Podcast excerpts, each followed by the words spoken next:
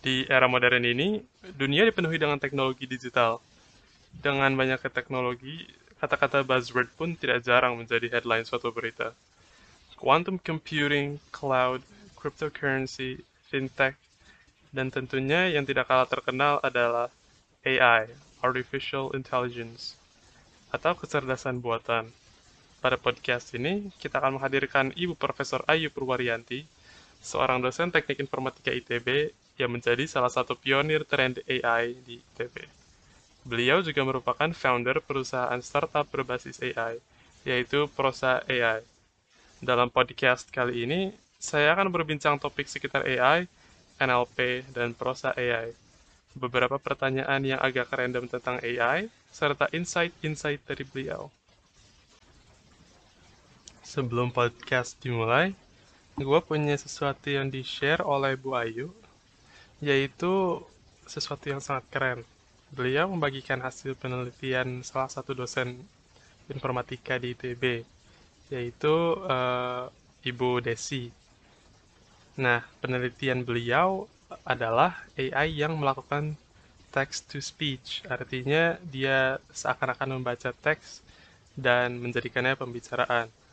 Menurut saya sih hasilnya bisa dibilang mencengangkan.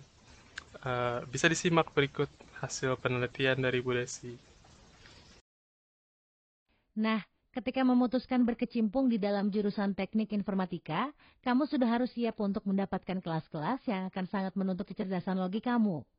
Dasar matematika dan analisis yang dimiliki pun haruslah kuat untuk meminimalisasi seringnya terjadi kesalahan dalam membuat perangkat lunak. Nah, jadi cukup meyakinkan ya. Biar lebih tahu sedikit lebih dalam tentang seputar AI, Langsung aja simak podcast berikut ini.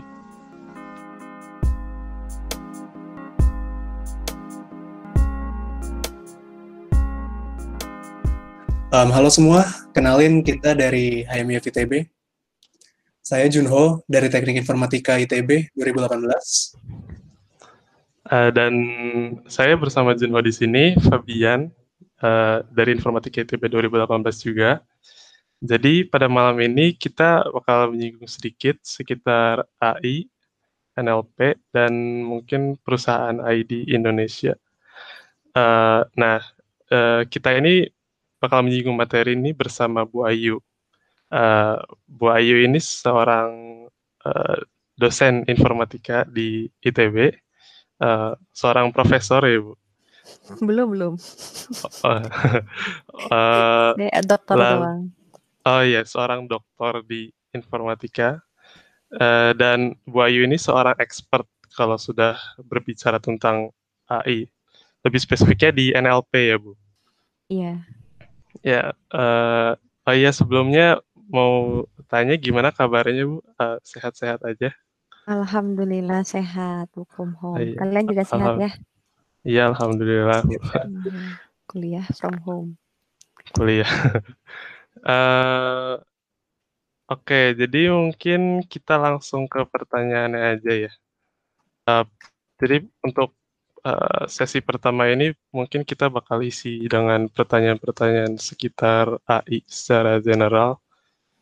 Uh, boleh saya persilakan untuk Jun? Oke, um, jadi kita bakal ngebahas sedikit nih Bu tentang artificial intelligence secara general. Nah, kalau pertanyaannya apa itu artificial intelligence, um, mungkin sedikit terlalu general ya, Bu. ya. Karena kalau dari anak-anak informatika juga kan sudah sering mendengar artificial intelligence itu kayak gimana. Nah, mungkin kita ingin mendengar aja sih um, dari sosok Bu Ayu ini yang yang sudah banyak pengalaman di artificial intelligence terutama di NLP tadi. Um, artificial intelligence uh, bagi ibu itu bagaimana sih? Oke, okay. saya langsung jawab aja ya. Oke, okay. tadi kalau misalnya kata Fabian saya expert, ya sebenarnya sama-sama aja sih. Saya juga belajar aja. Artinya kalau dibilang expert juga enggak lah. Tapi memang uh, pernah membuat beberapa apa aplikasi atau penelitian yang uh, masuk ke ranah NLP yang bagi saya itu adalah bagian dari artificial intelligence. Definisi artificial intelligence itu apa? Ini juga sebenarnya perdebatan sih ya. Tapi um, intinya kalau kita lihat ada ada satu buku yang menyatakan bahwa artificial intelligence itu bisa dibagi menjadi empat definisi ya. Jadi antara uh, thinking dan behavior, cara berpikir dan perilaku, dan antara manusia atau rasional. Jadi ide, idenya adalah si artificial intelligence itu sebenarnya sebuah software, algoritma, program yang berusaha untuk uh, melakukan perilaku, ya menghasilkan perilaku atau berpikir yang meniru manusia ataupun yang bertujuan rasional gitu ya. Ada tujuannya, ada aturan-aturan, kaidah-kaidah yang diikuti untuk mencapai tujuan tersebut. Tapi hasilnya itu ingin sekali supaya bisa mirip dengan manusia. Jadi cara manusia melihat, mendengar, berkata, gitu. Kurang lebih seperti itu. Jadi kalau misalnya sekarang mungkin orang melihat AI pasti mikirnya uh, robot gitu ya. AI hmm, robot. Iya. Hmm. Iya. Iya. Kalau secara uh, hardware-nya itu bukan artificial intelligence sebenarnya. Jadi kalau kita bilang automation, robot-robot um, di industri 3.0 itu udah automation. Tapi itu nggak belum disebut sebagai artificial intelligence, masih automation. Nah, sekarang kan kemudian ada industri 4.0 ya. Di situ salah satu jantungnya adalah artificial intelligence, di mana si robotnya itu, automationnya itu ditambah kemampuan untuk ya tadi mencoba meniru kemampuan manusia gitu dalam mengambil keputusan ya. Ini nggak uh, paham nggak? Oke okay, ya. Terlalu definisinya terlalu baku. Kalau tadi ngomongin soal robot-robot yang uh, Ibu bilang belum artificial intelligence, intelligence itu berarti seperti alat-alat manufaktur pada zaman dulu itu ya, Bu? Ya, betul. Yang Industri 3.0 itu kan. Tapi ketika si alat tersebut misalnya gini, uh, kita punya alat untuk memilah uh, apa namanya biji tanaman gitu ya. Biji tanaman atau daun ya atau daun atau buah. Buah ya buah yang kemudian kita pengen ambil bijinya untuk dijadikan bibit misalnya. Nah kalau misalnya hanya ada apa kayak apa namanya tuh ban berjalan begitu ya si buahnya kemudian datang, kemudian sudah ada manusia untuk melihat. Nah itu sebenarnya dia masih belum artificial intelligence, dia automation aja kan. Kita nggak harus ngangkut-ngangkut buah dari ujung ke ujung gitu loh. Buahnya yeah. tinggal disimpan di ban berjalan, nanti datang ke ke expert yang ngeliat, nanti sama dia kemudian dipilah, oh ini, ini bagus kak ke ke kiri misalnya, ini kurang bagus ke kanan gitu kan. Nah kalau artificial intelligence si ban berjalan itu akan ditambah dengan satu alat misalnya kamera ya, kameranya sendiri masih masih merupakan, uh, apa ya, dia dianggap sebagai sensor gitu ya. Nah sensor ini ketika kemudian ditambah dengan kemampuan memilah, oh yang ini bagus, yang ini jelek, itu udah artificial intelligence. Karena dia mampu membedakan mana buah yang bagus untuk nanti jadikan bibit dan mana yang tidak gitu. Jadi kalau hanya hanya kameranya saja belum, tapi ketika kamera itu bisa memilah, itu sudah artificial intelligence gitu. Ada kemampuan memilahnya. Jadi kemampuan expert untuk memilah mana yang bagus, mana yang jeleknya itu dipindahkan ke dalam software begitu. Atau kalau misalnya kamera yang di gerbang ITB tuh di depan itu kan ada kamera ya, banyak lah di ITB ada beberapa kamera. Selama ini kan hanya dipakai untuk merekam ya, untuk merekam orang-orang yang lewat segala macam. Tapi sudah segitu Kemudian, um, ketika ada sebuah kejadian, baru kemudian kamera itu dicek, "Wah, ini ada ada dari jam sekian sampai jam sekian, dilihat satu-satu sama satpam segala macam." Ya enggak? Itu belum artificial intelligence, tapi sudah ada sensor kamera di situ sebenarnya. Nah, dia akan jadi artificial intelligence ketika si, uh, video yang direkam itu kemudian diproses ya, untuk dikenai sebuah klasifikasi. Misalnya kemarin itu sebenarnya dari pusat AI uh, kita pasang tuh di situ satu software untuk uh, menandai kerumunan. Jadi ketika misalnya bukan kerumunan lah ya jarak aman gitu. Ada dua orang berjalan, jaraknya itu ternyata kurang dari semeter, itu akan dianggap tidak aman. Jadi di si monitornya itu akan ada gambar orang berjalan dengan kotak merah gitu. Nah, ketika sudah bisa membedakan, oh ini jalannya sudah aman nih kotaknya hijau jaraknya lebih dari satu setengah meter misalnya. Nah itu kalau kalau si softwarenya sudah bisa melakukan itu maka software itu dianggap sebagai artificial intelligence. Gitu. Jadi ada analisisnya ya. Oh berarti ada analisisnya dulu ya Bu dan bisa seperti manusia um, hmm. memberikan hasil yang mungkin bisa berbeda-beda gitu ya. Ya, tapi memang kan kalau misalnya di artificial intelligence itu dibuat apa ya istilahnya general ya. Walaupun misalnya expert yang satu bilang A, satu lagi bilang B, itu akan dicari titik temunya dan satu itu akan kemudian dipakai titik temunya itu. Oke, um, nah ini kalau misalkan ngomongin artificial intelligence, kebetulan kalau saya sendiri itu baru banget tahu banyak tentang artificial intelligence itu karena kuliah AI ini ya Bu di tingkat tiga. Mm, benar.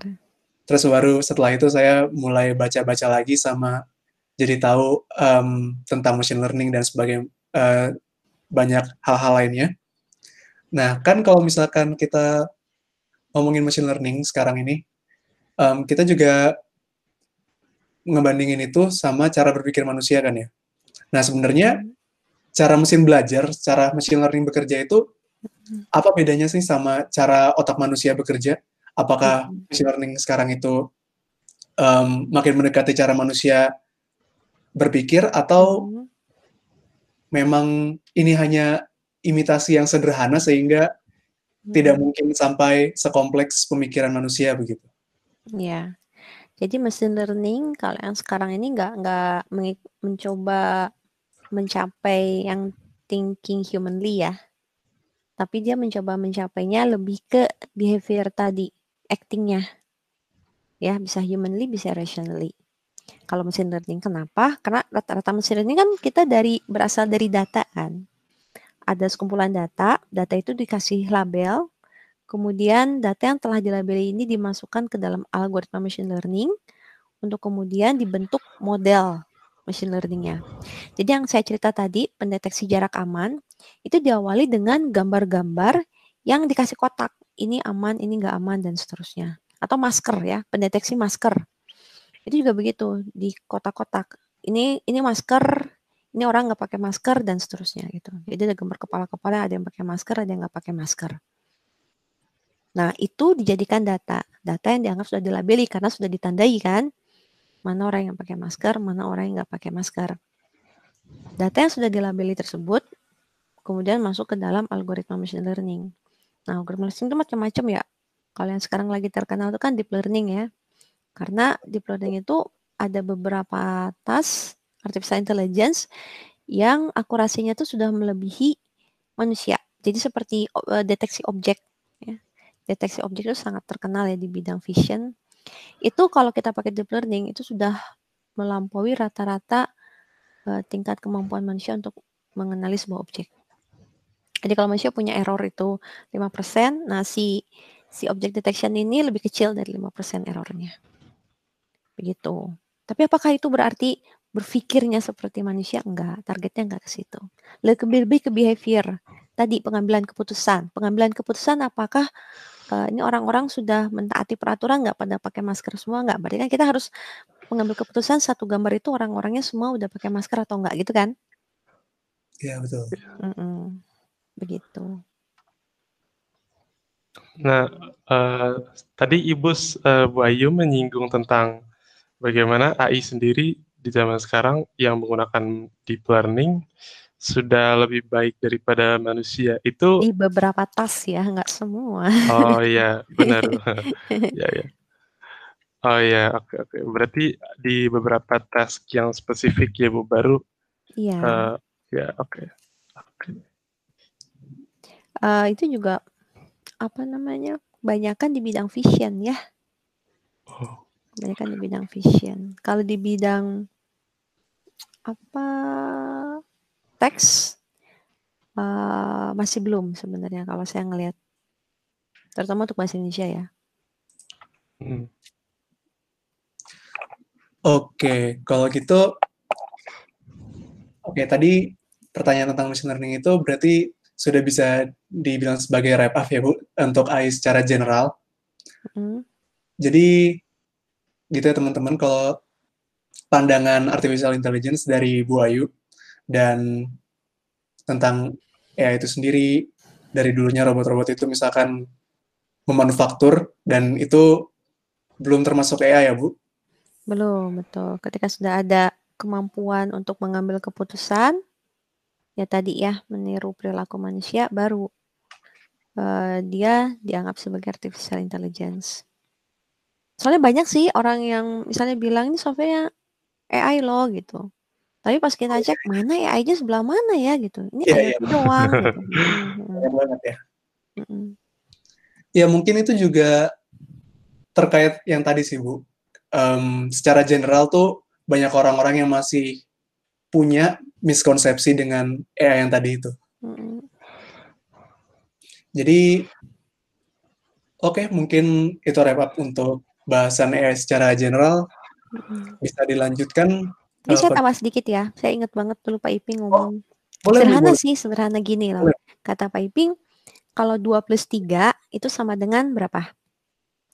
5. 5 kan? Nah, itu bukan AI. Tapi ketika berapa tambah berapa sama dengan 5, itu banyak pilihan kan? Oh ya banyak. 0 tambah 5, 1 tambah 4, dan seterusnya. Memilih yeah. mana yang terbaik ketika kandidatnya banyak, itu bisa dianggap sebagai artificial intelligence karena si softwarenya dia akan memilih mana yang terbaik yang kira-kira akan dipilih oleh manusia gitu. Non deterministik lah ya. Oh iya. Jadi okay. kayak kita dengerin suara orang nih. Itu sebenarnya kan kita memilih kata-kata mana sih yang sebenarnya diucapin sama orang itu, ya enggak? Oh iya iya. iya. memilih sebenarnya. Begitu dan mana yang lebih penting diproses dan tidak gitu ya Bu? Lebih penting diproses. Mungkin kaitannya sama feature extraction-nya ya. Bisa. Yeah.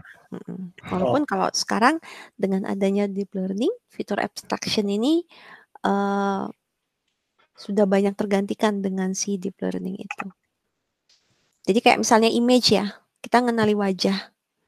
Kalau zaman dulu belum deep learning itu di, bisa di kotak-kotaknya di segmen tuh, mata, hidung, mulut, dan seterusnya gitu. Terus kemudian ada teknik yang seperti itu ya. Jadi di segmen dulu diambil dulu fitur-fitur mata segala macamnya. Tapi dengan data learning semua yang bagian fitur extraction itu udah otomatis include di dalam si algoritma deep learning itu. Kita nggak perlu lagi ngotakin mata, hidung, dan seterusnya. Kita bisa langsung masukin satu foto lengkap, terus sebut ini Fabian, ini Jun gitu ya. Tapi yang banyak fotonya, jadi kelihatan dari banyak sisi. Gitu. Nah, itu udah, udah bisa dapat face recognition. Oh ya, Bu Kilas, jadi saya jadi ingat dengan tugas dulu waktu tingkat dua itu ada tugas face recognition, tapi itu nggak pakai AI sama sekali ya. Itu jadi waktu itu ada tugas tugas nggak sih Fabian um, face recognition pakai pakai apa ya waktu itu? Kalau waktu itu uh, pakai metrik dot product gitu antara dua foto. Hmm. Iya. Ya, jadi similarity ya. Iya, ya, similarity. Itu mungkin sedikit berhubungan sama yang tadi Ibu bilang kalau itu cuma ngeliat dari satu-satu fitur-fitur tertentu ya di visionnya, nggak nggak kayak deep learning gitu. Hmm, tergantung vektornya ya, sebenarnya. oh dari vektor extraction berarti? Soalnya gini ya, uh, bahkan di di apa namanya, di teks pun, itu ada bagian yang, uh, untuk mengecek istilahnya apa, semantic similarity, textual semantic similarity. Yang dianggap sebagai bagian dari NLP dan salah satu tekniknya adalah dengan membandingkan, uh, tadi cosine produk antara dua vektor. Nah, Oh, saya cerita dikit ya. Tapi vektor yang uh, dapetin vektornya ini bukan vektor space model biasa. Mungkin kalian belajar vektor space model kan ya. Tapi uh, vektor yang dibangun dari neural network juga gitu. Oh. Ngerti nggak? Ya, jadi ujungnya sih cosine similarity juga. Tapi si vektor yang dibandingkannya ini dibikinnya dari neural network sebenarnya tapi unsupervised hmm. gitu. Kalau aku tadi cerita yang machine learning pertama kan yang data udah dilabeling kan berarti supervised ya. Ya udah nah, ada. Tapi ini ya jadi jadi kalau saya ngelihat perkembangan algoritmanya itu cepat banget ya. Um, saya saya ngelihat di bidang NLP dari awalnya rule base ya, string matching aja gitu, string matching, if then segala macam otomata masuk ke dalam machine learning yang istilahnya kalau sekarang sebutnya shallow machine learning, decision tree, terus SVM, random forest gitu kan, XGBoost dan seterusnya. Terus nextnya masuk ke dalam deep learning. Wah, deep learning ini luar biasa cepet banget. Uh, yang awalnya dulu saya S3 tuh masih pakai SVM, sekarang tuh udah nggak laku gitu. Kenapa? Karena saya sendiri pernah ngebandingin antara pakai shallow machine learning SVM dengan yang pakai LSTM-nya deep learning belum yang terakhir lagi ini pun ya, itu angkanya akurasinya udah beda jauh gitu. Dan hmm. tadi yang saya bilangin perbandingan vektor itu, itu juga masuk ke dalam si NLP yang dianggap bagian dari deep learning juga.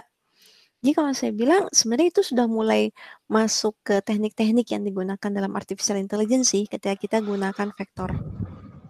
Itu dan perbandingan antar vektor.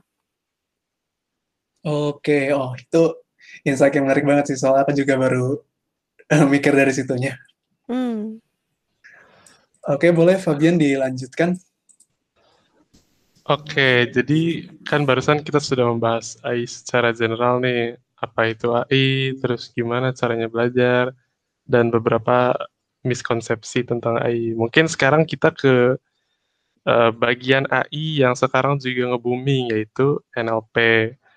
Nah, hmm. mungkin uh, di sesi ini dimulai dulu dengan bertanya ke Ibu.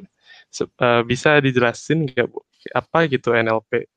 Uh, mm. Ya, bagaimana sih komputer itu kok bisa berkontribusi dengan sangat banyak di bidang hal-hal uh, yang berkaitan erat dengan bahasa manusia gitu mungkin. Ya, oke. Okay. Natural language processing ya NLP ya. Jadi hmm, bagi saya sih NLP itu adalah sub dari artificial intelligence yang isinya tuh mempelajari metode, algoritma, representasi untuk memproses input ataupun output yang ber, yang berupa bahasa alami, bahasa manusia, ya bahasa yang digunakan oleh manusia, baik teks maupun suara. Intinya begitu. Nah, um, kerumitannya di mana? Sebenarnya uh, kalau bagi saya yang sekarang saya anggap rumit itu adalah hubungan antar apa istilahnya ya entitas ya di dalam si teks maupun yang dalam suara. Kalau misalnya eh, di gambar juga sama sebenarnya kan ya hubungan antar poin-poin atau objek-objek dalam gambar. Nah teks juga sama gitu. Itu juga hubungan antar kata ya. Sebuah kata itu punya hubungan dengan kata lain gitu bisa berupa sinonim, antonim, meronim, hiponim, hipernim gitu kan ya. Kalau buat manusia itu gampang banget, kita dari kecil udah belajar gitu kan. Tapi buat komputer ini susah banget sebenarnya. Banyak banget teknik yang udah diajukan dengan oleh banyak peneliti ya, mencoba untuk menjawab itu aja. Gitu. Mencoba untuk menjawab hubungan antar kata. Dan sekarang ini salah satu paper penelitian yang booming itu yang yang yang membuat sebuah representasi yang tadi saya bilangin itu lah ya vektor tadi itu yang kemudian setiap kata itu diwakili oleh sebuah vektor dan ketika kita lakukan cosine similarity antar vektor itu kita jadi tahu oh kata ini sama kata ini deketan loh gitu. Kalau misalnya saya pakai kata apa ya saya dan aku tanpa menggunakan vektor itu maka saya dan aku itu kan hurufnya beda semua ya. Karena beda semua maka dia akan dianggap oh ini ini kata yang berbeda saya dan aku jaraknya akan sama dengan saya dan kamu. Saya dan makan. Kenapa? Karena huruf-hurufnya beda semua. Tapi ketika masuk ke dalam uh, teknik yang tadi ya, mencoba mewakili apa mewakilkan kata itu dengan sebuah representasi khusus vektor tadi, itu saya dan aku akan jadi deket loh dibandingin dengan saya dan makan. Gitu. Kuncinya ada di situ sih. Kuncinya ada di situ. Kalau kita udah dapetin itu, kita akan bisa lebih memahami maksud dari sebuah input, sebuah kalimat.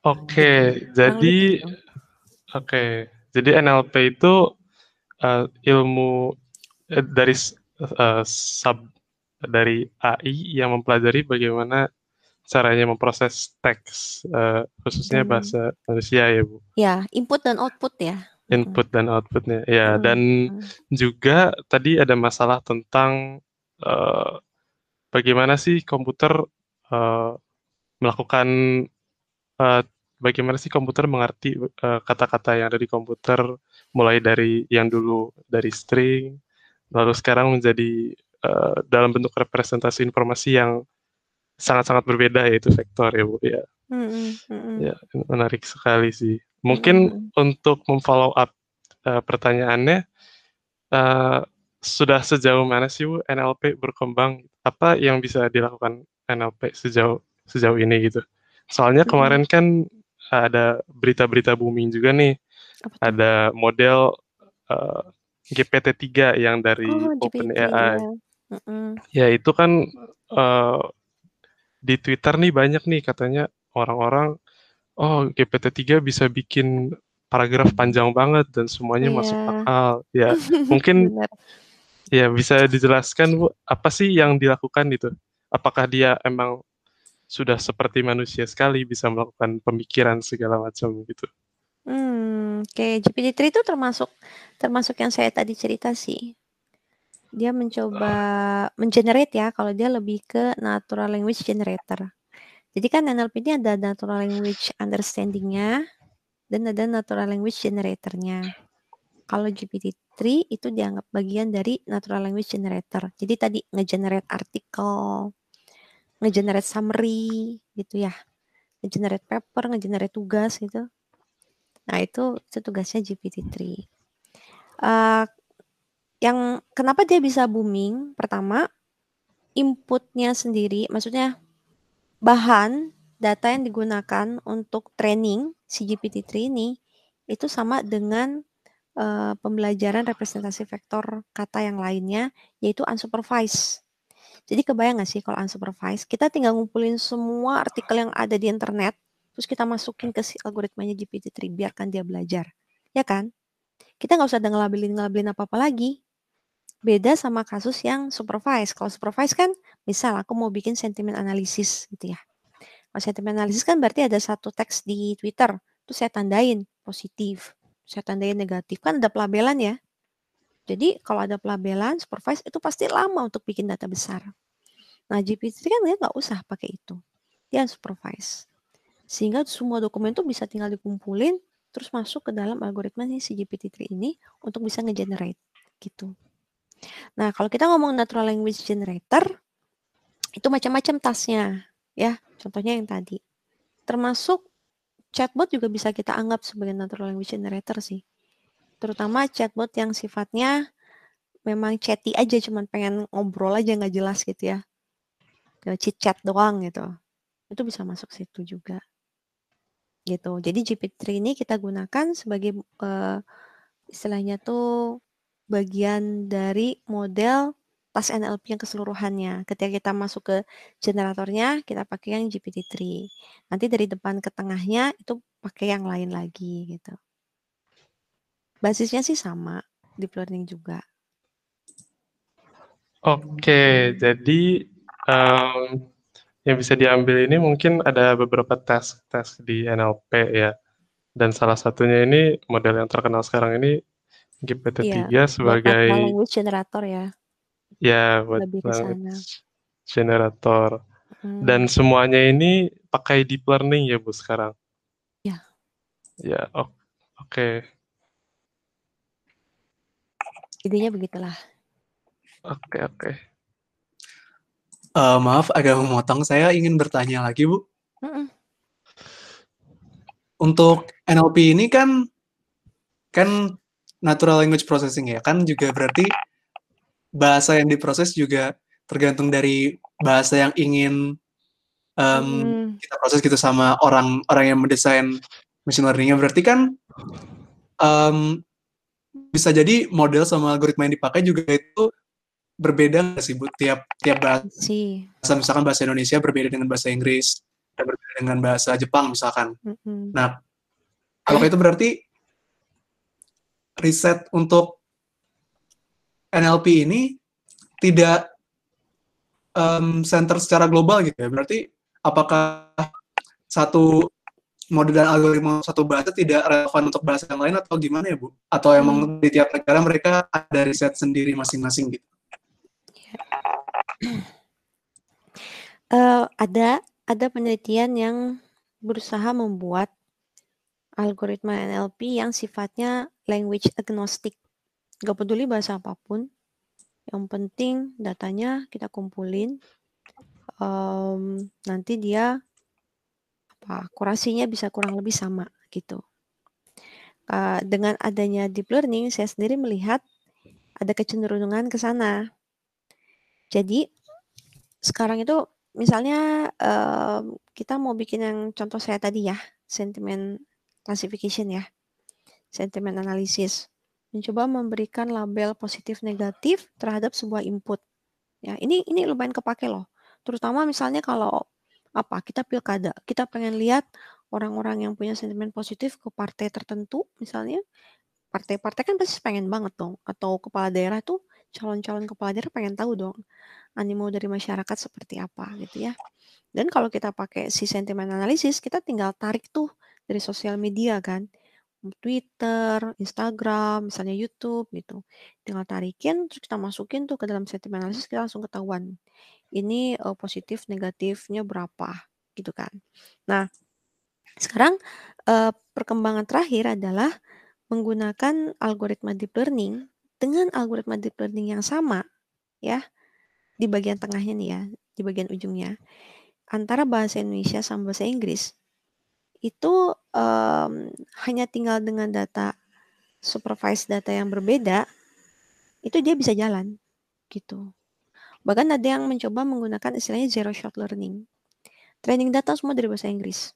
Tapi pre-trainnya, si GPT-3-nya itu ya, atau BERT, atau what to fact, pre-trainnya itu dibikin multilingual nggak cuma bahasa Inggris. Gitu. Jadi ketika sebuah kata, kita cari vektornya apa. Karena si pre-trainnya itu multilingual, dia akan tetap dapat kan vektornya.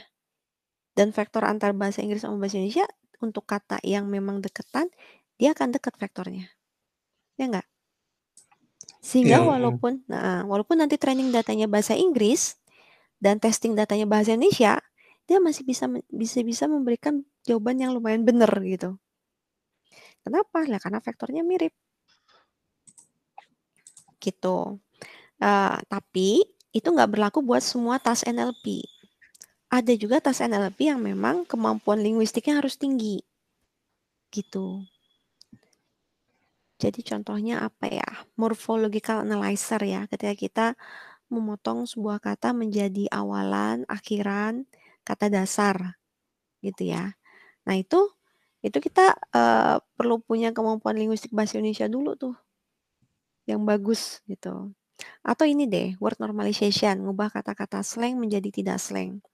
Kata slang di bahasa Inggris uh, mereka mungkin punya pola sendiri ketika bikin kata slang itu seperti apa. Bahasa Indonesia, rakyat Indonesia, budaya Indonesia juga punya pola sendiri sehingga bisa jadi apa pipeline dari si NLP-nya untuk word normalization beda gitu. Jadi nggak nggak buat semua NLP tasi untuk untuk apa menggunakan uh, model bahasa Inggris diterapkan ke bahasa yang lainnya. Itu kurang lebih menjawab ya?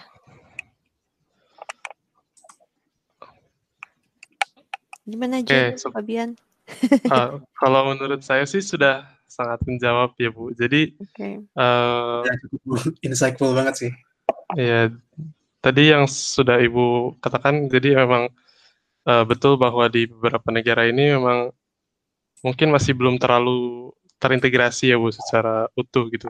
Tapi sekarang ini yang lagi hot ini adalah bagaimana caranya bikin model yang language agnostic itu ya. Ya, ketika betul. Ya. Berlomba-lomba banget tuh kalau kita masuk ke conference-conference, terus ada paper yang masukinnya kayak gitu, wah biasanya keterima sih. Pendekatannya hmm. itu tadi, zero shot learning, transfer learning, gitulah. Kalau transfer learning aku oh. ngomongin barusan, contohnya misalnya ya pre-train kita bikin multilingual, uh, training data di bahasa yang memang punya resource yang gede kayak bahasa Inggris, tapi testingnya langsung masuk ke bahasa tujuan kita gitu. Hmm, oke okay, oke okay. dengan pre-training ya. Pre-train betul. Si GPT itu pre-train. Sekian part 1 dari episode ini. Harus tiket dulu karena terlalu lama. Simak episode berikutnya ya teman-teman. Thanks and bye.